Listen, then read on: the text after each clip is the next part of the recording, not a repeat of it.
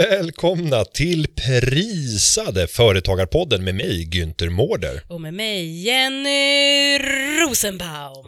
Wow, och vi är ju faktiskt prisade. Förra veckan så hände någonting alldeles särskilt. Eh, Det är ansedda företaget Cision som jobbar med att eh, bevaka marknader, nyheter, serva eh, olika typer av organisationer och företag med medieanalyser. De har släppt en ranking över de viktigaste poddarna Och inom så viktiga som vi är. marknadsföring och ledarskap.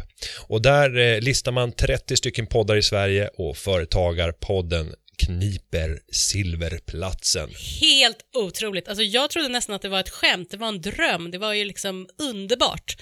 Eh, jag tar åt mig Äh, hälften. här blir man ju uppfylld. Ja. Det är alltid... Blir du lika uppfylld som jag? Det är frågan. Jag tror att jag blir lite mer uppfylld. Ja, nej, men jag tror att det är just de Ja. där första eh, priserna, de betyder någonting alldeles särskilt. Som du- när man vinner Kalle Anka Cup liksom. Ja, Det- den, den står alltid högt upp på listan. Nu har inte jag gjort det. Nej men med- du har många, många eh, tunga titlar faktiskt bakom dig. Du har ju varit årets pensionssparare. Jag är pensionsspecialist om jag får be. Pensionssparare hade varit nästan bättre. Ja, Eller? det finns ingen som sparar så mycket i pension som Alla han. precis, Günther Mårder, han sparar mest av alla. Okej, pensionsspecialist. Men nu här i veckan, på tal om då priser, så fick ju du faktiskt ett jättefint pris. Mm, Det måste man säga. Du, det var tio stycken som listades som bästa digitala ledare och du kom faktiskt på plats nummer nio och det var över 3000 personer faktiskt som var med och eh, röstade och det här var i tidningen Resumé och då tänker jag, är det här någonting som var så här, ah, du ryckte lite på axlarna och bara, ja, ah, jag är rätt bra, jag är en ledare, Nej, men det I'm här- a leader. Ja, nej, men det, det, men det är klart att det är smickrande Ja. och när man tittade på vilka andra som fanns med på listan, då var det så här, Daniel Ek Mm. från Spotify och jag eh, placerade mig över Googles nya Sverigechef. Ja, Däremot inte den gamla Sverigechefen, hon låg före. Eh, så det var en väldigt, väldigt eh, Jo men min fråga är så här, ärofylld blir du glad eller är du så här, ja ja, det där är bara ett, ett ytterligare pris att lägga på Ja, men hyllan. man blir alltid glad. Mm. Och det, var- det var roligt eh, när jag nåddes av beskedet, för jag hade varit ute och spelat golf, slagit 17 hole-in-one faktiskt. Och så ringde de på det 18 hålet och då blev jag ju ofokuserad, så det blev inte 18 hole-in-one. Nej. Eh, så Nej, det det här var var, ja det var, det, det förstörde lite grann den ja. dagen. Mm. Nej, jag förstår. men i övrigt, nej, Nej. men det är klart, det, det är jätteroligt, Det är fantastiskt. riktigt coolt. Men Eh, du, jag måste fråga, hur gör man? För alltså, det ligger ju ändå någonting bakom det här. Alltså att hålla på med digitala medier och att man når så många. Ja, och här handlar det om ledarskap, så att visa Mm. upp ett ledarskap som andas transparens. Det jag försöker predika kring Mm. och försöker lära många traditionella ledare, det är att fundera över hur man kommunicerar. Mm. Väldigt många kommunicerar med den gamla formen som jag kallar direktkommunikation. Mhm. När man sitter, som du och jag gör nu, Mm. mellan fyra ögon och för ett samtal. Men skillnaden för oss är att det är tusentals andra som kommer att kunna höra vårt samtal. Och då brukar jag kalla det delad kommunikation. Mm. För då har vi vidgat det. Vi bjuder in människor till ett öppet samtal.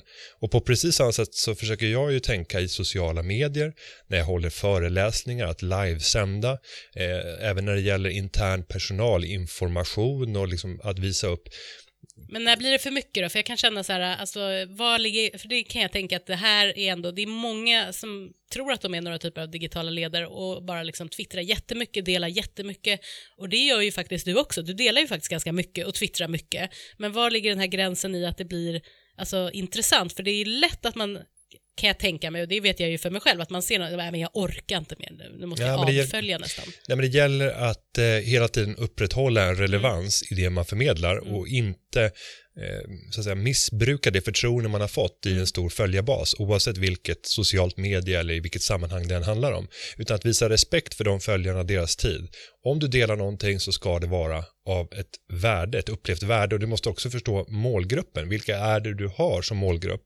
Och där har det varit en utmaning för mig när jag kommer från investeringsvärlden och gått över till företagarvärlden. Men du, på tal om Twitter, Ja, vi har fått in lite kommentarer på Twitter.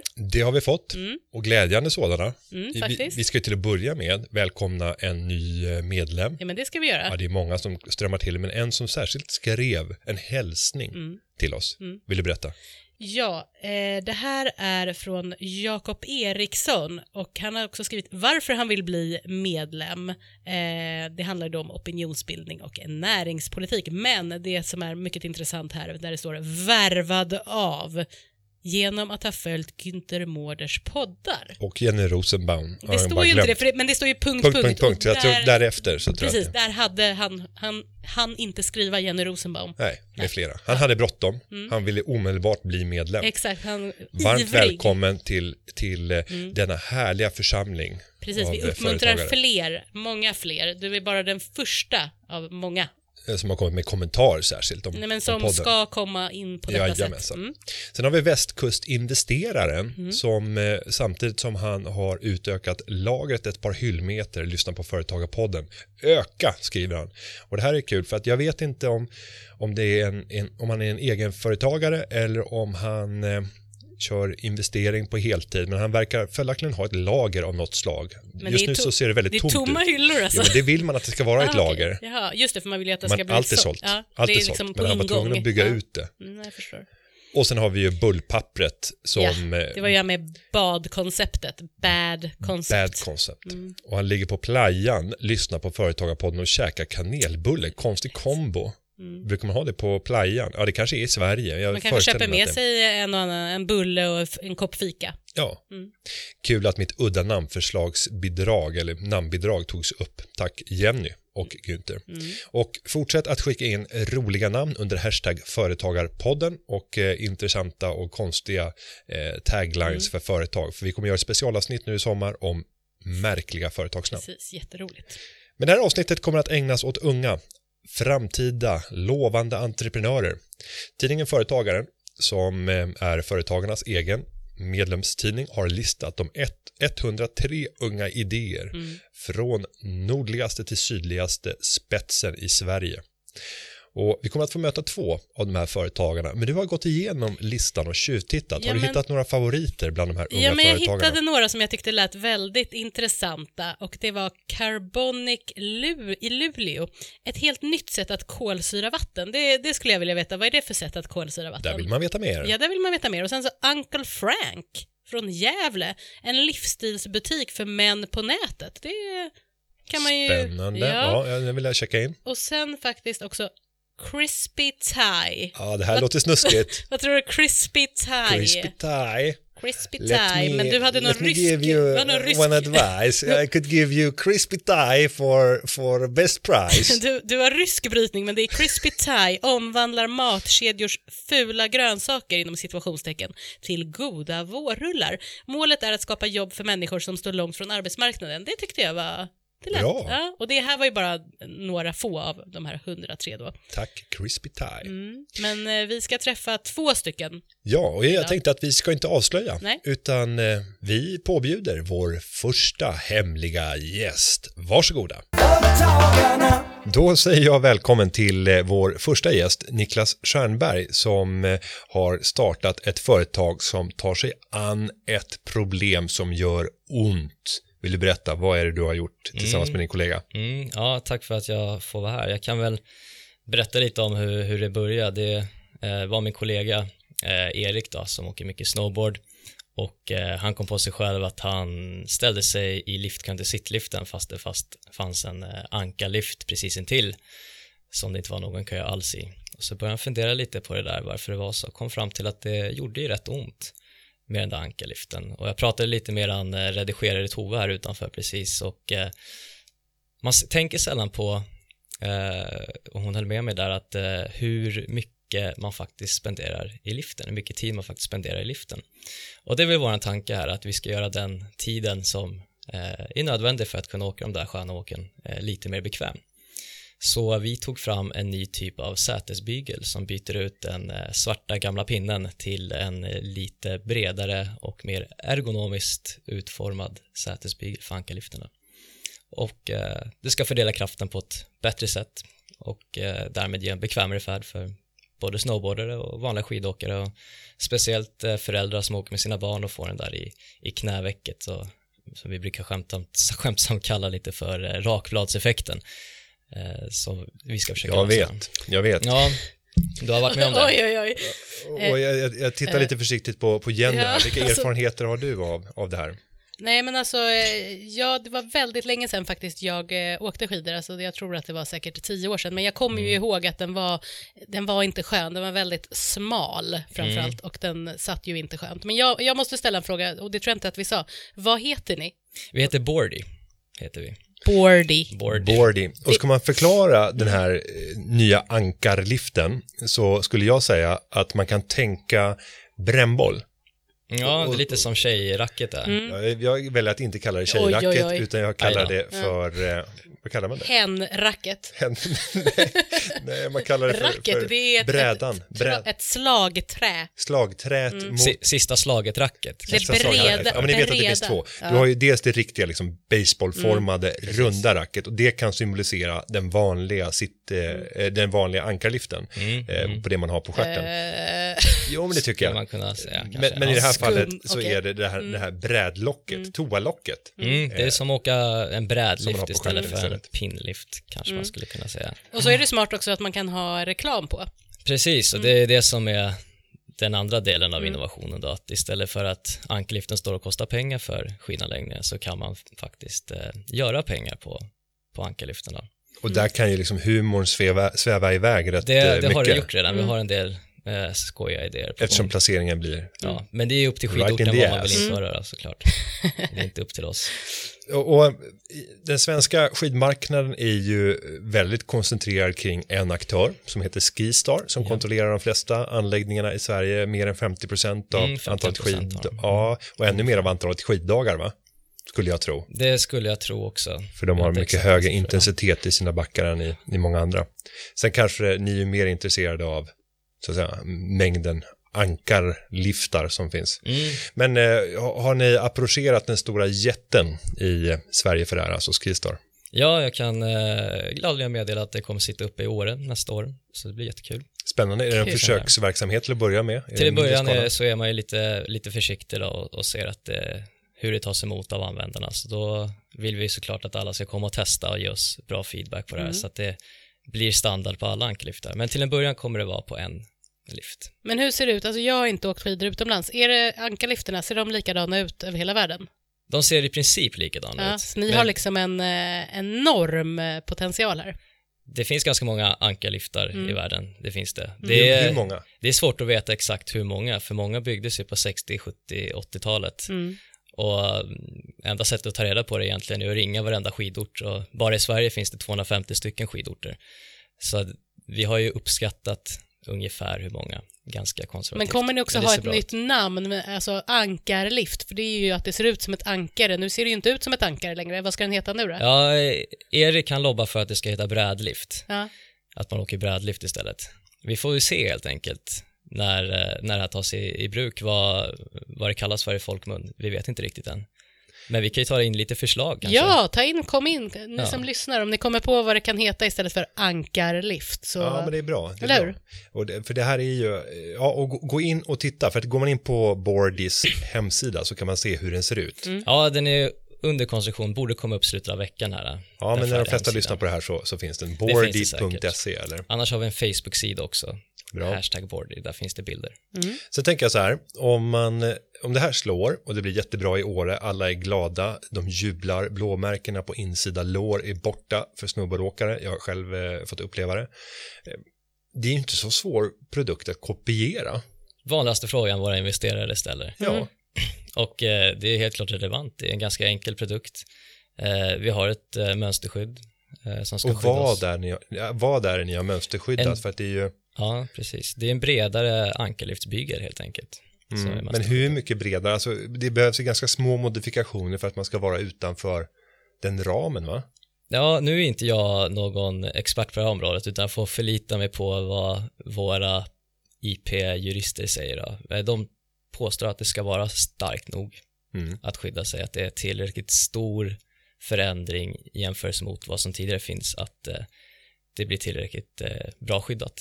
Det är lite som, Mm. Så det ska inte räcka med bara ändra en, radio och, och köra, utan eh, det kommer gälla under det också. Mm. Man skulle kunna säga att det här är, är ankarliftsvärldens svar på V-stilen när den kom eh, i backhoppningssammanhang, kanske. Kanske, Eh, Kan ja. Vi, vi hoppas det. Har ni, har ni tänkt större? Alltså jag tänker så här knappliften, eh, sittliften, eh, kommer liksom eh, alla liftar göras om här eller är det bara just eh, Det var, det var kul att du tog upp just knappliften, för vi, vi gjorde ju våra produkttester i vintras då, där vi laborerade fram den slutgiltiga designen. Och det gjorde vi då på ett antal större skidorter och eh, på en av Sveriges största skidorter där vi testade, när vi var klara där så kom eh, driftchefen eh, fram till oss med just en knapp och sa här har ni, gör något åt den här också. Eh, så vi har ju märkt att det finns mer eh, saker man kan lösa på skidanläggningen för att det ska bli lite trevligare att komma dit som besökare. Så vi har ju tänkt att eh, vi ska fortsätta ta fram produkter. Här kommer ett förslag från mig. Från mig, Jenny Rosenbaum. Eh, jag tänker mig alltså två knappliftar som liksom på något sätt sitter ihop så man kan liksom, alltså de är parallella. Ja, det Och finns faktiskt. Nej, det attans jag finns. som trodde jag var först. Eh, det funkade inte särskilt bra, Nej. de trasslade in sig i varandra tyvärr. Okej, Eh, ja, men då struntar eh, vi den idén. det var en bra, det var en bra tanke. Tack. Nej, och, och jag sitter och funderar på internationella expansionen, för att här måste man väl vara ganska snabb när man väl lanserar att komma ut internationellt. Mm. Eh, Och det är inte så ofta man byter ut ankarliftar. Jag ser ju fortfarande när man är uppe i skidanläggningar att det är ankare som ser ut att ha både 10, 20 och ibland mer år på nacken. Stämmer. Ehm, Och hur, hur snabb förnyelsetakt är det och kräver det inte att den långsamma förnyelsetakten kräver det inte att man finns ute på global basis omedelbart? Och hur ska ni kunna lyckas med den globala distributionen och marknadsföringen? Och det är här annonsytan kommer in. Eh, vi har ju tagit fram en affärsmodell som baseras just på att sälja reklamrättigheterna vidare till tredje part som vill synas i backen. Och eh, då kan man då välja om man vill ha den här, om vi kan ta eh, annonsrättigheterna till den och eh, helt enkelt ge den nästan utan kostnad till skidanläggningen och istället sälja reklamen. Och då blir det lite lättare tröskel att ta sig över för skidanläggningen så att man inte behöver ta den här stora, tunga investeringen. Och för att bara kunna få lite så här allmän kunskap, vad kostar en sån här bygel, en vanlig klassisk ankare, vad, vad kostar en sån enhet? Själva sätet, plastsätet då, som vi byter ut kostar 450 eh, originalpris då från För ni har kvar själva, vad kallar man det här? Eh, stången. ja, stången. Exakt. Precis, det, det kom ju fram när vi laborerade med koncept att eh, man vill ju ha en så billig lösning som möjligt såklart och att det skulle vara enkelt att införa. Så vi, vi satsade på att återanvända så mycket av de delarna i systemet som finns på plats. Så nu är det egentligen bara en del vi byter ut och resten återanvänds den. Och nu har jag haft svårt att se på bilderna här på själva brädan som man ska ha på stjärten. Är det även vadderat med någonting mjukt eller är det en stum plastbräda? Kommande versioner kanske. Men nu är det en stum Men plast. vi, eh, våtplast. vi, har, vi har skalat av så pass mycket att vi bara har det absolut nödvändigaste i början. det kanske kan bli en lyxvariant sen. Men och när du pratar om ett pris närmare 500 kronor, då pratar du om ett utpris, för att tillverkningsmässigt så kan det ju inte ligga så dyrt. Nej, de har väl sina vinstmarginaler på det där kan jag tänka mig. Ja, men gör, det låter som att det är dåligt förhandlat, om, du, om jag ska vara ärlig. Ja, kanske. Man kanske får lite rabatt om man köper många. Det vet jag inte. Ja, men det ska ni väl göra, ni ska ju ta över världen. Ja, vi ja. Ja. Ja, självklart. Nej, för att det, om jag skulle uppskatta, om, om jag tänker att det inte är hela enheten, jag behöver inte så att säga vajerhängaren, jag behöver inte snöret, jag behöver inte Bara brädan. stången som, som Stången. stången som Jenny visade Men alltså, så stolt här tidigare. visar, det är du som visar just nu du som bredvid mig. Jag, Om jag vill skulle inte visa ens hur du titta. det var obehagligt när jag satt där bredvid. Eh, men men, men eh, då, då tänker jag mig att nej, nog tusan borde man kunna komma ner på under hundralappen i tillverkningskostnad om man beställer Men lite nu hittar du ju bara på ett pris. Nej, nej, nej, inte alls. Men hur, vad vet du om det här då? Ganska, ganska bra uppskattning. Okej. Nej, men om du, om du se- ser på konstruktionen, det lilla jag kan se, sen beror det ju på vilken infästning man ska ha mellan själva brädan och stången. Eh, Och hur avancerad den infästnings... Det här är typiskt Günther, han bara drar till med något. Alltså så här, du säger 500, då säger han 100. Han har ingen som helst grund 100. för detta. Ja. Ja, ja. Är det en avancerad infästningsanordning mellan Ja, stången? nej, nej, nej, nej, nej den, är, den är jätteenkel. Tanken är ju att eh, alla liftoperatörer själva ska kunna byta ut de här på plats. Ah, Eh, så det är, det är ingenting vi gör, utan vi måste, det är lite som Ikea, man, man bygger upp sin egen möbel och man bygger upp sin Det egen känns, väldigt, det känns väldigt säkert. Det är lite som Ikea. Ja, Eh, jo, men det, det, det Eh. behöver inte, det är en, det behöver ett det tycker jag verktyg. inte att ni ska göra reklam för. Jo, men, men, men, men å andra sidan så kanske det är ännu skönare som liftoperatör att någon kommer och gör helhetsjobbet, tänker jag. Mm. Att det är en lockande tanke. Att du kommer upp, du startar säsongen i november, vi kommer dit och bara byter ut. Eh, och det Mm. kostar dig eh, enbart, ja, och sen tar man något fast säsongspris för att prenumerera på den och Mm. vi tar reklamintäkterna på den. Man får helt enkelt se lite hur det spelar ut sig. Det gäller ju att vara flexibel när man driver ett startup och eh, man får liksom lära sig. Det gör man varje dag. Så första säsongen blir väldigt intressant för då kommer vi kunna experimentera lite med olika lösningar och se vad som passar våra kunder bäst. Och, och nu sitter ni ändå med liksom en första eh, flaggskeppskund, får man ju säga att Skistar är med, med sin anläggning i Åre. När föddes idén av, av Erik när han liksom hade den här upplevelsen av att han valde sittliften istället för ankarliften? Och hur långt är det mellan den dagen och där ni befinner er idag? Ja, enligt honom själv så var det faktiskt några år sedan han kom på det här. Eh, men eh, att det kom upp till ytan igen för ungefär två år sedan. Och han började laborera lite på hur han skulle kunna göra det här. Och eh, just då befann jag mig i Förenta Staterna och plugga eh, och vi brukade skypa och det här kom upp då. Eh, och jag tyckte det verkade som en, en skitball idé helt enkelt. Och vi har alltid varit sugna på att starta upp någonting tillsammans så det här verkade ju eh, klockrent helt enkelt. Alltså jag gillar det. Jag önskar att jag var lite yngre och lite smartare kanske, eller liksom så. Jag vill också, jag vill också gö- göra det där man kommer på så här, det här är riktigt störigt och sen så gör man någonting. Jenny, livet är inte över. Nej, Det är fullt av möjligheter, men det handlar ju Alla kan. Men Ja. vad är det som gör att ni ändå orkade ta det här, den här idén som kom från en idé till verklighet? För de flesta orkar ju faktiskt inte göra det. Mm. Utan man sitter med jättemånga bra idéer. Men sen när det kommer till exekvering så faller man. Vad är det Mm. ni har lyckats med som många andra fallerar med? Mm. Eh, ja, jag hade en, en professor en gång som förklarade det där med förändring på ett ganska bra sätt. Eh, för det är förändring du gör när du ställer om och ska dra igång ett startup.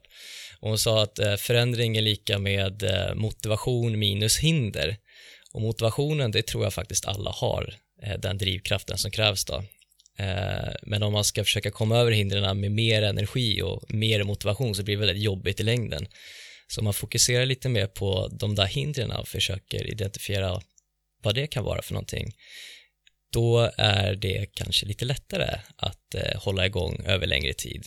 Och eh, lite så har vi tänkt. Och ett eh, exempel på hinder kan ju vara att man behöver tak över huvudet, man behöver hyra, man behöver mat för dagen och eh, när du drar igång har du ingen lön och sådär. Så att, eh, det känns som, som vettiga hinder att tänka ja, på. ja, det är ju ofta sådana grejer som många börjar tänka på först och sen så ja, faller det. Mm. Att man inte vågar ta steget. Då. Eh, Men det passade oss ganska bra just det här tillfället för vi pluggade båda två. Eh, Och eh, då får man ju CSN.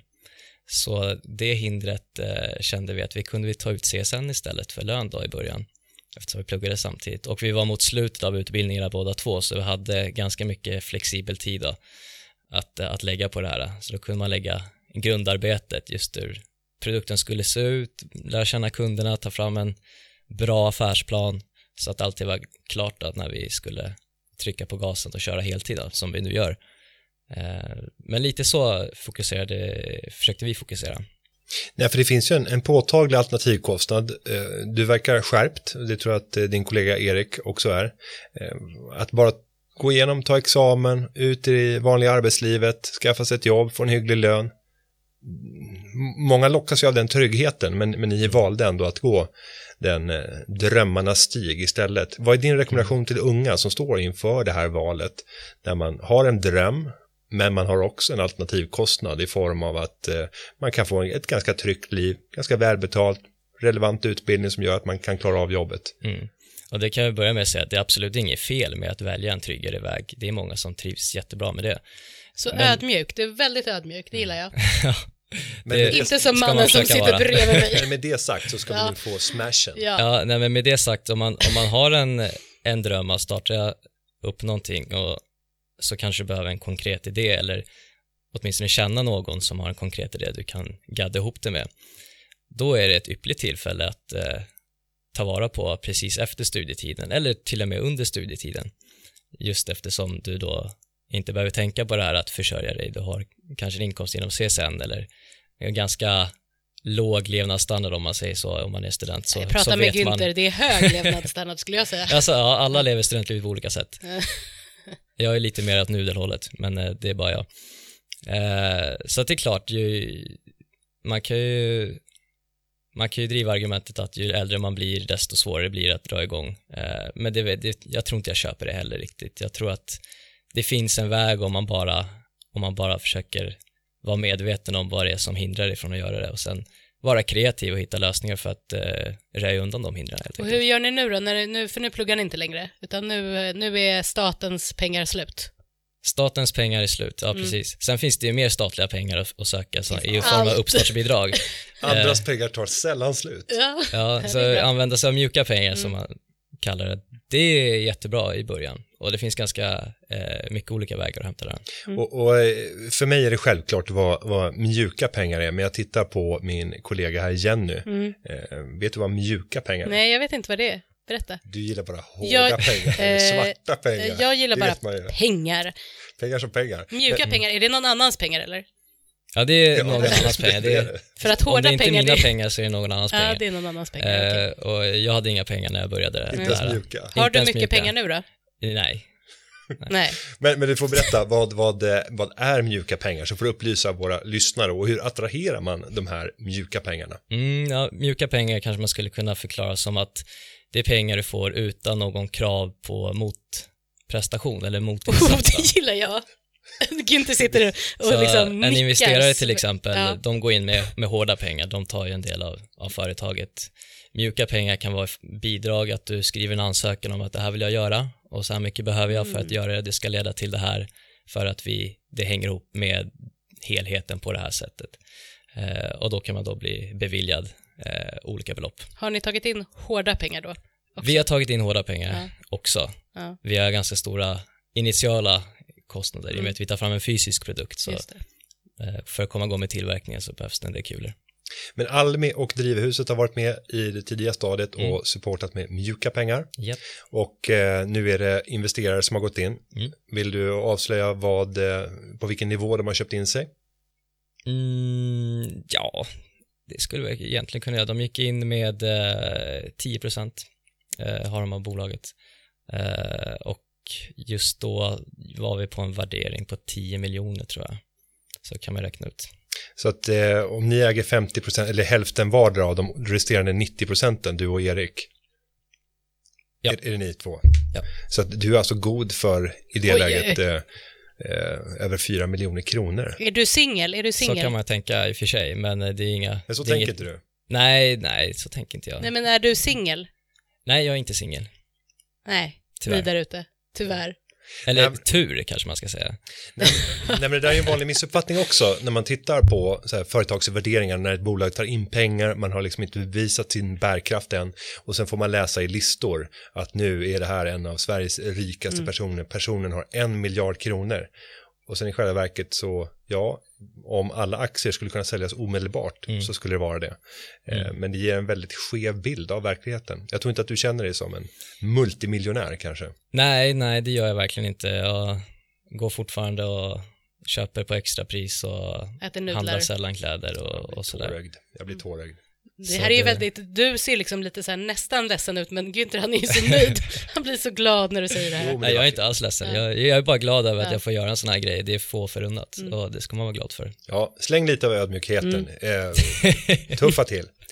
Men Får komma tillbaka. ja, med det Niklas, det här ska bli jättespännande att få Mm. följa. Eh, vi kommer att gotta oss i eh, din framgång, eller på att säga, er framgång, men vi kommer att gotta ner oss i listan över de 103 entreprenörerna som listas i tidningen Företagaren och där ditt och eh, Erik bolag är ett av dem. Vi säger tack för att du kom hit och ska nu på nästa gäst. Tack så jättemycket. Företagarna. Och då är vi tillbaka i eh, studion igen efter vår vi. första gäst. Och det var mycket intressant. Det var det och nu ska vi omedelbart kasta oss vidare till vår andra gäst för dagen. Varsågoda. Då sitter jag här med eh, programmets andra gäst, Elise Lindqvist, som driver bolaget Norfolks. Norfolks. Hur, hur säger man? Välkommen till Företagarpodden. Tack, roligt att vara här. Du får rätta oss omedelbart. Hur säger vi? Eh, Norfolks brukar jag säga, Norfolks. så att det beror på om man vill uttala det liksom Var- Men svenskt kan du inte bara börja innan vi, innan vi börjar, börja med bara, vad, hur, var kommer företagsnamnet ifrån? Ja. Eh, min mamma är från Lappland, min pappa är Sasa, det är ett folkslag i östra Turkiet. Eh, så att eh, namnet har jag tagit från min mammas sida kan man säga. Ehm, och produkterna är mer från pappas sida. Och då måste vi omedelbart kasta Mm. oss in. Vad är det för produkter? Du har ju listat som en, en, en av de här 103 spännande entreprenörerna i Sverige som är unga, som kommer med nya idéer och som utvecklar Mm. eh, marknaden. Vad är det du bidrar med? Vad är det för produkter?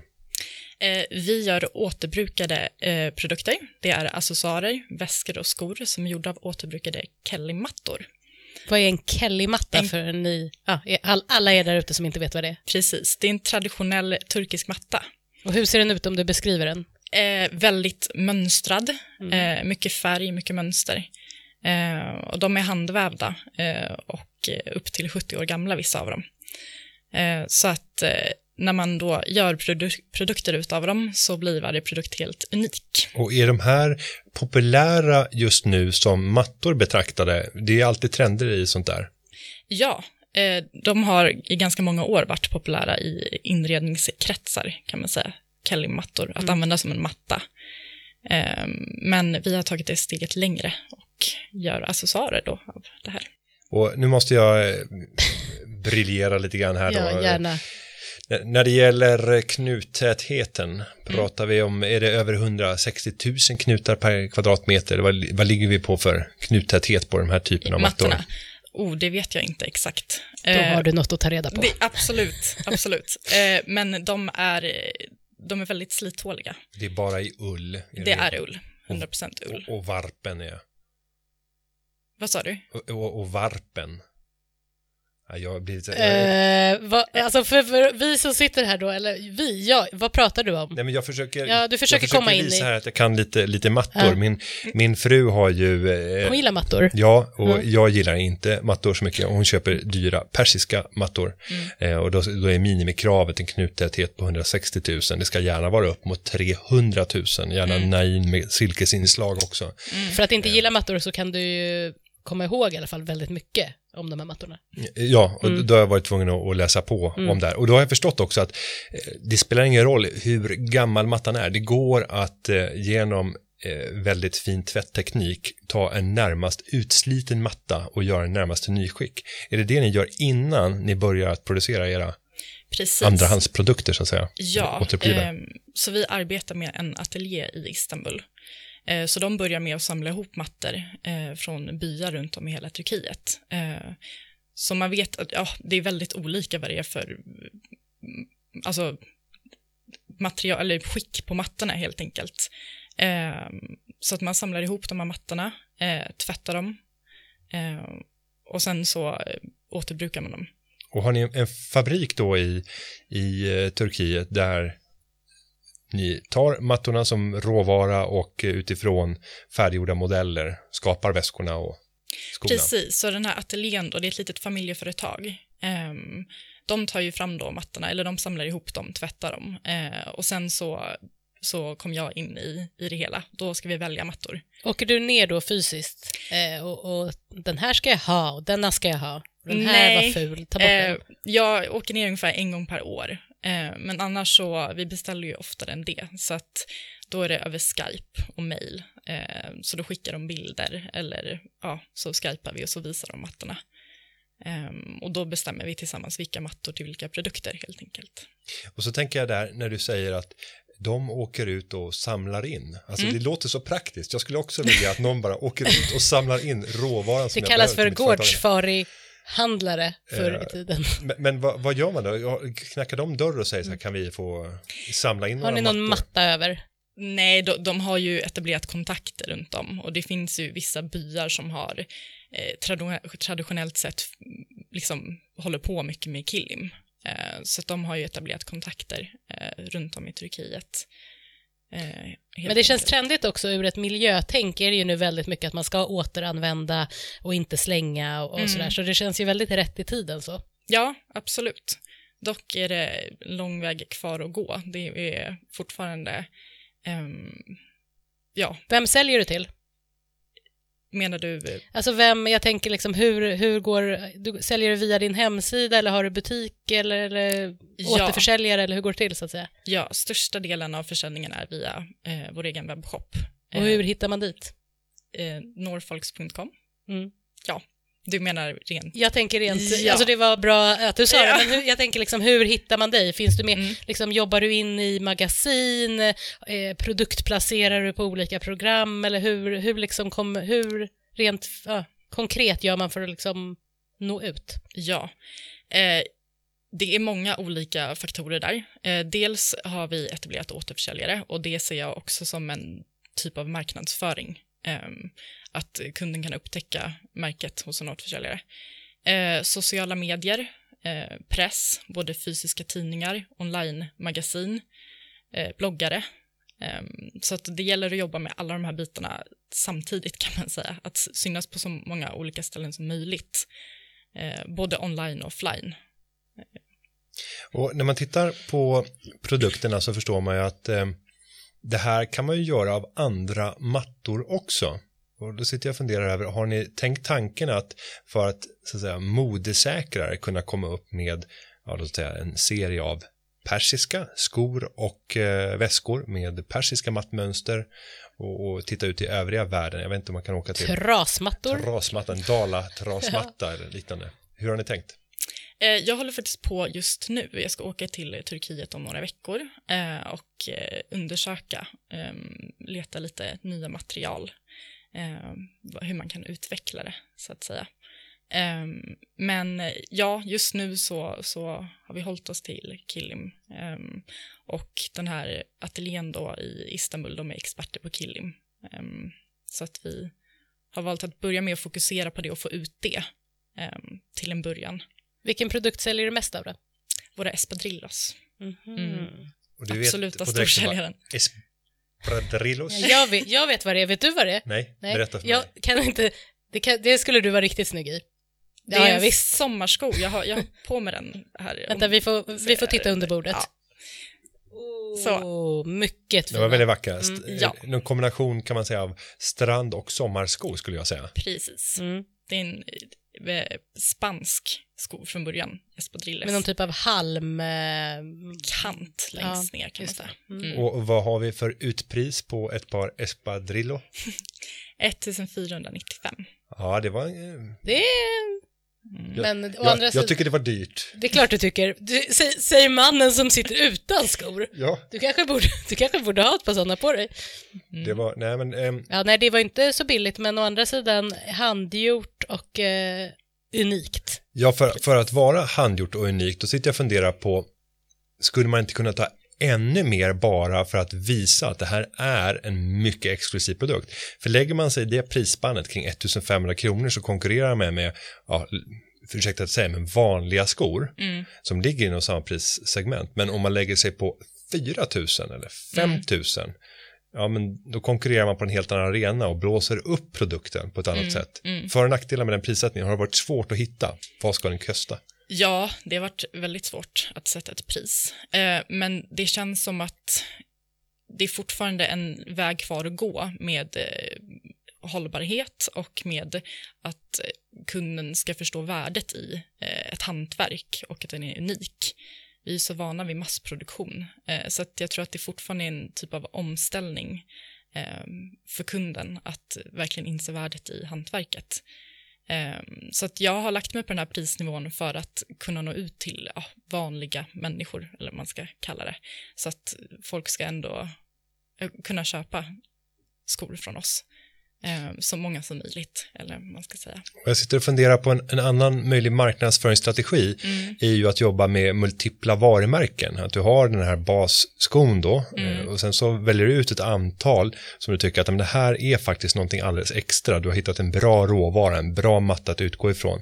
Och där jobba med ett annat varumärke som man prissätter långt högre för att kunna tilltala en annan grupp. Och Hur tänker du kring den typen av varumärkesstrategi?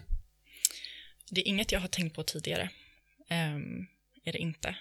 Um, Då har du något att gå hem och fundera Ja. över så får du kontakta Günther igen. Ja, nej men just nu känns det som att vi är i ett läge där man vill komma ut mer. Ehm, och det är många som har visat intresse, eh, och speciellt för de här skorna. Ehm, så, och då skulle man vilja nå fler av den typen av kund. För att eh, det känns som att jag har lärt känna ändå vilken typ av kund vi har. Och vad är det för typ av kund? Eh, en- Beskriv henne. henne, Mm. ungefär 30-årsåldern, mellan 30 och 40. Ehm, Oh, jag, jag, jag, tittar ser på, henne. jag tittar på dig, men jag ser att Günther liksom sneglar mot mig. Ja, mera. Ja, Mm. eh, alltså Föräldraledig. Ja, precis, kanske barn. Eh, men barn. eh, någon typ av medvetenhet, vill ha kvalitet i produkterna. Eh, sen också till viss del bryr sig om hållbarhet. Men sen som sagt så tror jag att det är många som inte, för att det finns inte så mycket på marknaden. Eh, så att, ja, Nej, men det där lät ju som eh, en beskrivning mitt i Mm. prick. Och så tänkte jag tänka på så här ordvalet när du säger, ja men det är en, ofta en medveten person. Eh, Då tänker du, hur ser, vad ser- har man på sig om man är Ja, omedveten? den, den där omedvetna konsumenter, vi, vi kan säkert peka på dem. Då finns Och ju många. Jag och jag är nog en av dem eh, som inte tänker så mycket på eh, vad jag har på mig och sådär. Men man vill inte bli utpekad som mm, omedveten. Nej. Och jag ska ge ett tips som jag fick höra när jag hade eh, revisionsfirmor som pitchade på att få bli revisor åt i mitt tidigare jobb. Och eh, då sa ena revisionsteamet att eh, ni, om ni väljer oss så kommer ni självklart att bli en, en prioriterad kund till oss. Och det enda som går upp i mitt huvud då, det är så här, jaha, så ni har alltså oprioriterade kunder. Vill du nämna några exempel på oprioriterade kunder som ni jobbar med? Men just hur man använder ordvalet.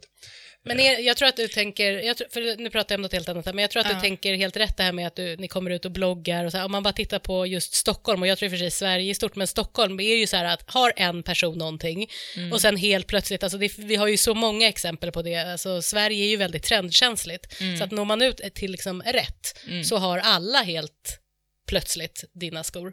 Mm, mm. Jo, men så, så är det ju. Vi gjorde faktiskt en kundundersökning för inte så länge sedan, eh, där en av frågorna var hur kom du i kontakt med Norfolks första, första gången? Och det var många som sa då via en vän. Det var ju väldigt intressant. Det visar ju på att eh, eh, hur det kan sprida sig och att ens kunder är jättebra reklampelare. Verkligen. Finns det även skor för män? Nej, men jag har fått många förfrågningar om det, så det är något också som jag tittar på faktiskt. Och det borde vara ganska lite, för de, de skorna som, som du har på dig, jag säger inte namnet igen, eh, de, de skulle, tycker jag, kunna passa om man hade ett par vita linnebyxor och ett par eh, En drink i handen. mörka tajta kalsonger under, på att säga. Men, det, det, det ska man inte ha. Nej, men att man, går Alltså- ner, man går på stranden, ska gå ner. Bara Günther. Eh, Absolut. jag, Det, jag kan se mig själv. En riktig modelejon sitter jag bredvid.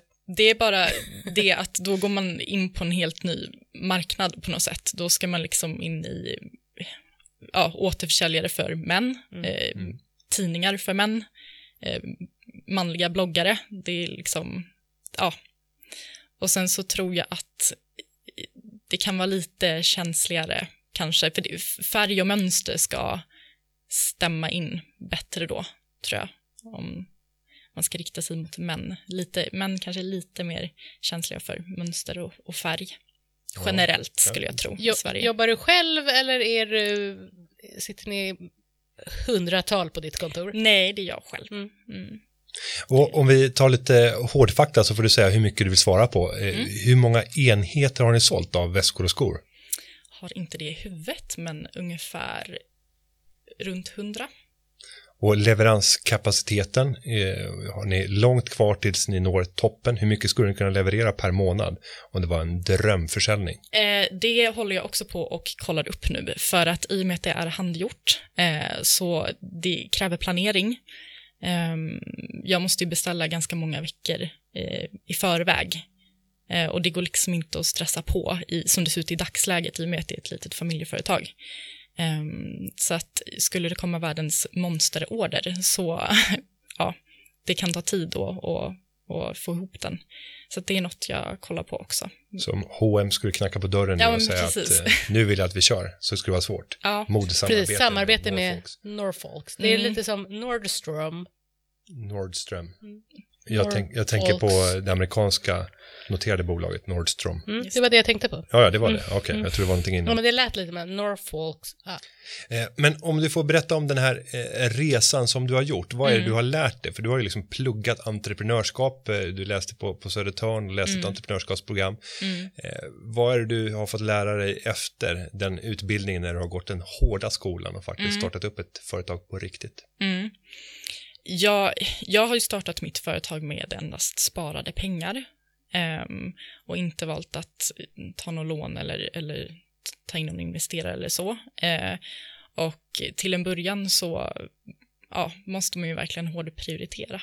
Ehm, så att det har jag ju verkligen lärt mig att prioritera och ja, när man gör misstag så lär man sig ytterligare då att prioritera rätt med pengar. Så man blir ju sparsam. Ehm, Det gillar Günther. Mycket bra. Ehm, så.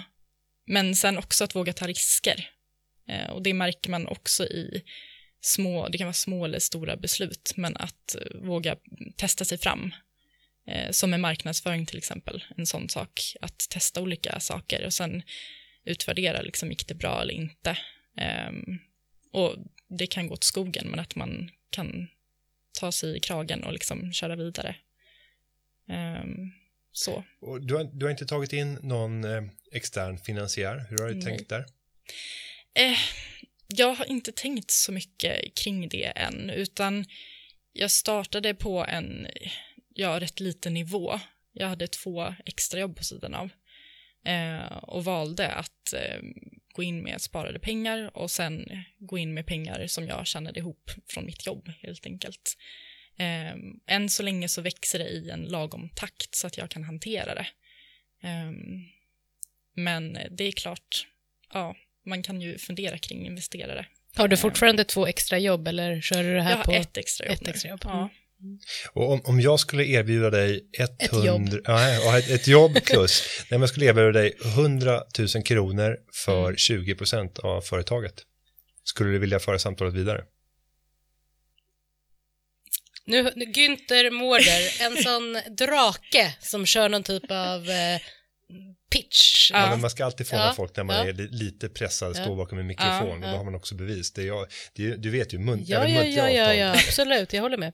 Jo, men ja, jag har inte funderat så mycket på det, men absolut, det är något jag skulle kunna fundera på, helt klart. Och det är inte bara pengar jag kan bidra med, utan Nej, kunskap. precis, det är kanske det det du är det jag tänker på.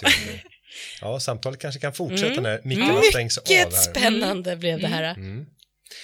Ja, men med det så tycker jag att vi tackar Elise för att du har kommit till Företagarpodden. Jättespännande. Jag ska följa det här noggrant eh, som ägare eller som intressent Oj, vid sidan ja, av. det här får vi se. verkligen göra en uppföljning av. Tack för att du kom. Tack för att jag fick komma hit.